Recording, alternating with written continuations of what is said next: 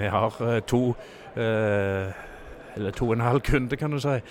Og vi har ikke hatt ønske om å ha flere kunder. Vi ønsker å få produktet 100% klar for markedet før vi, før vi går videre. For ni år siden var Knut Molaug toppsjef i Aqua Group, en av verdens største leverandører til oppdrettsnæringen. Etter noen år helt utenfor næringen, leder han nå den lille familiebedriften Aqua Robotics. Dette er Tekfisk, podkasten om teknologi og forskning i sjømatnæringen. Jeg heter Camilla Odland, og nå skal du få høre mer om notrensingsroboten gründerne har utviklet, og utfordringene de har møtt underveis.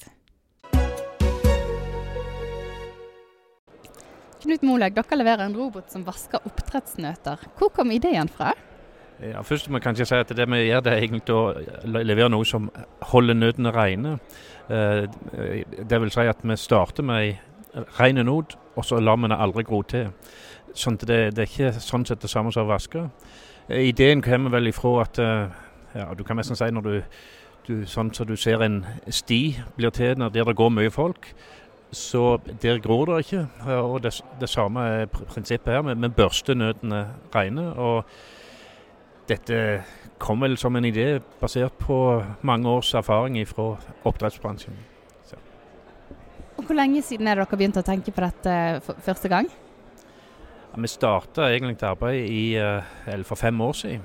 Og Eh, har utvikla konseptet gjennom disse åra, og gikk sånn sett live med produktene i, i, fjoråret, i løpet av fjoråret. Mm. Og Du sa litt om hva den gjør, men hva skiller denne her fra andre sånn rengjøringssystemer som finnes? Eh, det som er Forskjellen er at vi bruker ikke høytrykksspyling, vi børster eh, regner. Vi børster hele nodsystemet, hele noda, opptil ti ganger i døgnet ene, hver eneste dag hele året for å sikre at uh, noe alltid er ren. Så det er ja, prinsipielt helt forskjellig fra alle andre systemer. Og så sa du at dere var i gang for fullt i fjor. Og, eh, hvordan har det gått så langt med Aqua Robotics? Altså, vi var vel ikke i gang for fullt, men vi, vi leverte de første, de første, systemene i fjor. Og det har, eh, det har, gått egentlig veldig bra. Vi har fått eh, gode erfaringer. Vi ser at systemet fungerer. Eh, men samtidig så har vi hatt en del utfordringer som vi jobber med. og Det går jo mest på at systemet skal være driftssikkert nok til å være i daglig drift 365 dager i året under alle værforhold langs kysten i Norge. Så, men uh, hovedkomponenten er at dette ser, ser veldig bra ut. Kan du si litt mer om de utfordringene dere har møtt på? Er det noen tekniske ting som dere har måttet løse underveis, eller hva har det vært?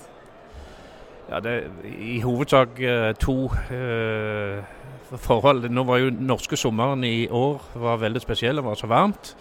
Så vi fikk rett og slett en del problemer med at eh, systemet eller innvendig ble for varmt innvendig. Så vi måtte gjøre en del ombygginger for å sikre det. Og så er det òg vært noen problemer med, med at vi med det tausystemet som vi brukte. Så vi har, brukt et, eh, har gått over til å eh, bruke bånd i plassen for tau.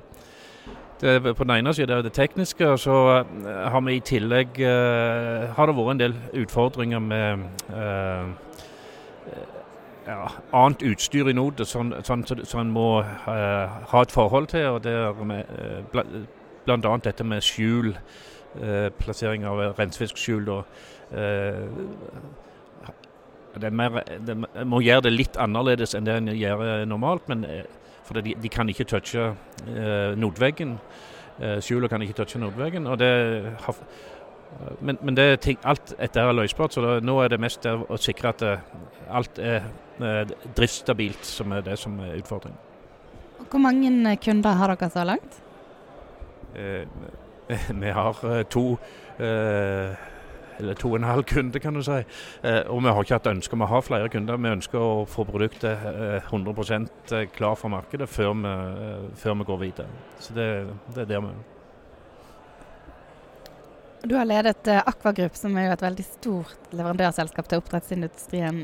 Hvordan har det vært å gå fra et så stort selskap til en liten gründerbedrift?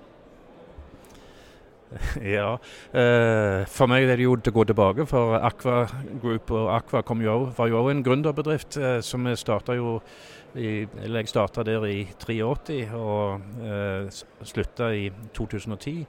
Så eh, når jeg da gikk eh, eh Slutta i, i eh, Aqua i 2010, etter å ha tatt på børs og dette, så var jo det selvfølgelig en, eh, en, endring. Men så gikk jeg jo over i en annen bransje og utvikla et selskap innen datasentervirksomhet. Og ja, på en måte det, så var det et valg jeg da gjorde, at eh, jeg ville tilbake til eh, oppdrettsbransjen. Og, eh, og vi hadde en god idé som vi hadde jobba med i flere år, så da følte det var rett. Så det er jo på en måte behagelig å komme tilbake til, til en mindre virksomhet. Det er mye enklere på mange vis. Eh, og du har jo både din bror og din far som har laget roboter før, med, og minst en nevø involvert i bedriften. Eh, hvordan er det å jobbe så tett med familien? Ja, det, det kan jo være både òg, men i hovedsak så er det positivt. Da. Men eh, det, det, det, er selvfølgelig kan være perioder med litt harde tak, men, men, men det, går fint. Mm. Og Har dere diskusjon om hvem som bestemmer av dere, eller er dette klare, tydelige linjer?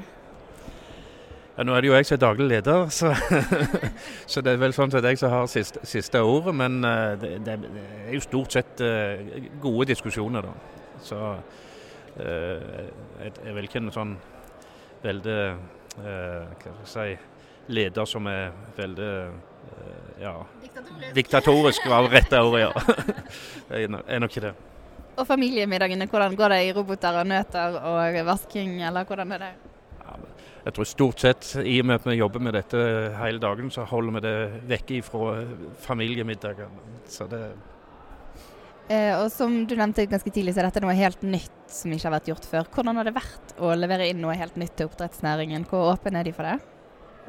Nei, bransjen er jo veldig lydhør for nye, nye eh, løsninger. Spesielt eh, i disse tider der en òg tjener godt. Men det, det er klart det, det, er, det, er, krevende å levere til denne bransjen, og det koster mye penger. Så vi har, har brukt veldig mye penger for å komme der vi er nå. Så det er det.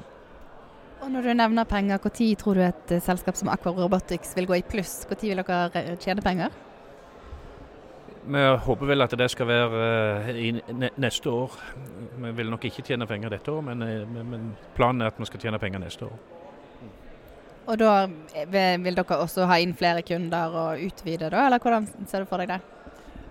Ja, det, det er jo åpenbart vi må ha flere kunder. Men, men, det, men, samtidig så er det sånn at dette er et produkt der vi leverer én en enhet til hver uh, mer. Sånn at uh, uh, dette blir jo et relativt store antall av. og vi er ikke avhengig av sånn sett å ha så veldig mange kunder, men det er viktig, viktig å ha nok enheter ut men selvfølgelig òg vi, vi, ønsker både små og store kunder velkommen. Så. Hvor mange ansatte er dere nå? Vi er åtte stykk. Åtte personer som jobber fulltid med dette. Ja, og vi snakket litt om utfordringer i sted. Hva har vært den eh, største utfordringen med et selskap som Aker Robotics, å få til det dere holder på med? Ja, det, det Altså, så jeg sa, jeg tror den største utfordringen teknisk Det har jo vært tekniske ting. Eh, og den største utfordringen teknisk det er at det er eh, det er så mye annet oppi merdet. Det er ikke bare fisk og ei rein not. Det er kamera, det er eh, lys, det er dette skjul og mange andre ting som er oppi merdet. Det, alt dette skaper potensielt konflikter med, med, med vår teknologi. Hmm. Og hva er planene deres nå på kort sikt? Ja, Det viktigste vi holder på med nå, er jo å, å sikre at dette blir stabilt. Eh, for produktet vi, ser at vi fungerer, vi klarer å holde nødene rene. Eh, men vi ser òg at eh, maskinene eller robotene kan ikke stoppe eh, i lang tid. Hvis de stopper i mer enn tre-fire-fem dager, så klarer vi ikke å holde nod rene lenger. Så, så der, Derfor er driftsstabilitet det som er helt avgjørende for oss. Mm. Ok, Takk skal du ha. Takk skal du ha. Skal du på Lofotfishing? Jeg skal spille inn to podkaster der om fremtidens fiskeriteknologi. Og jeg håper at du har lyst til å være en av de som kommer og hører på. Det skjer i Svolvær 30. mars. Mer informasjon finner du hvis du søker opp Fremtidens fiskeriteknologi på Facebook.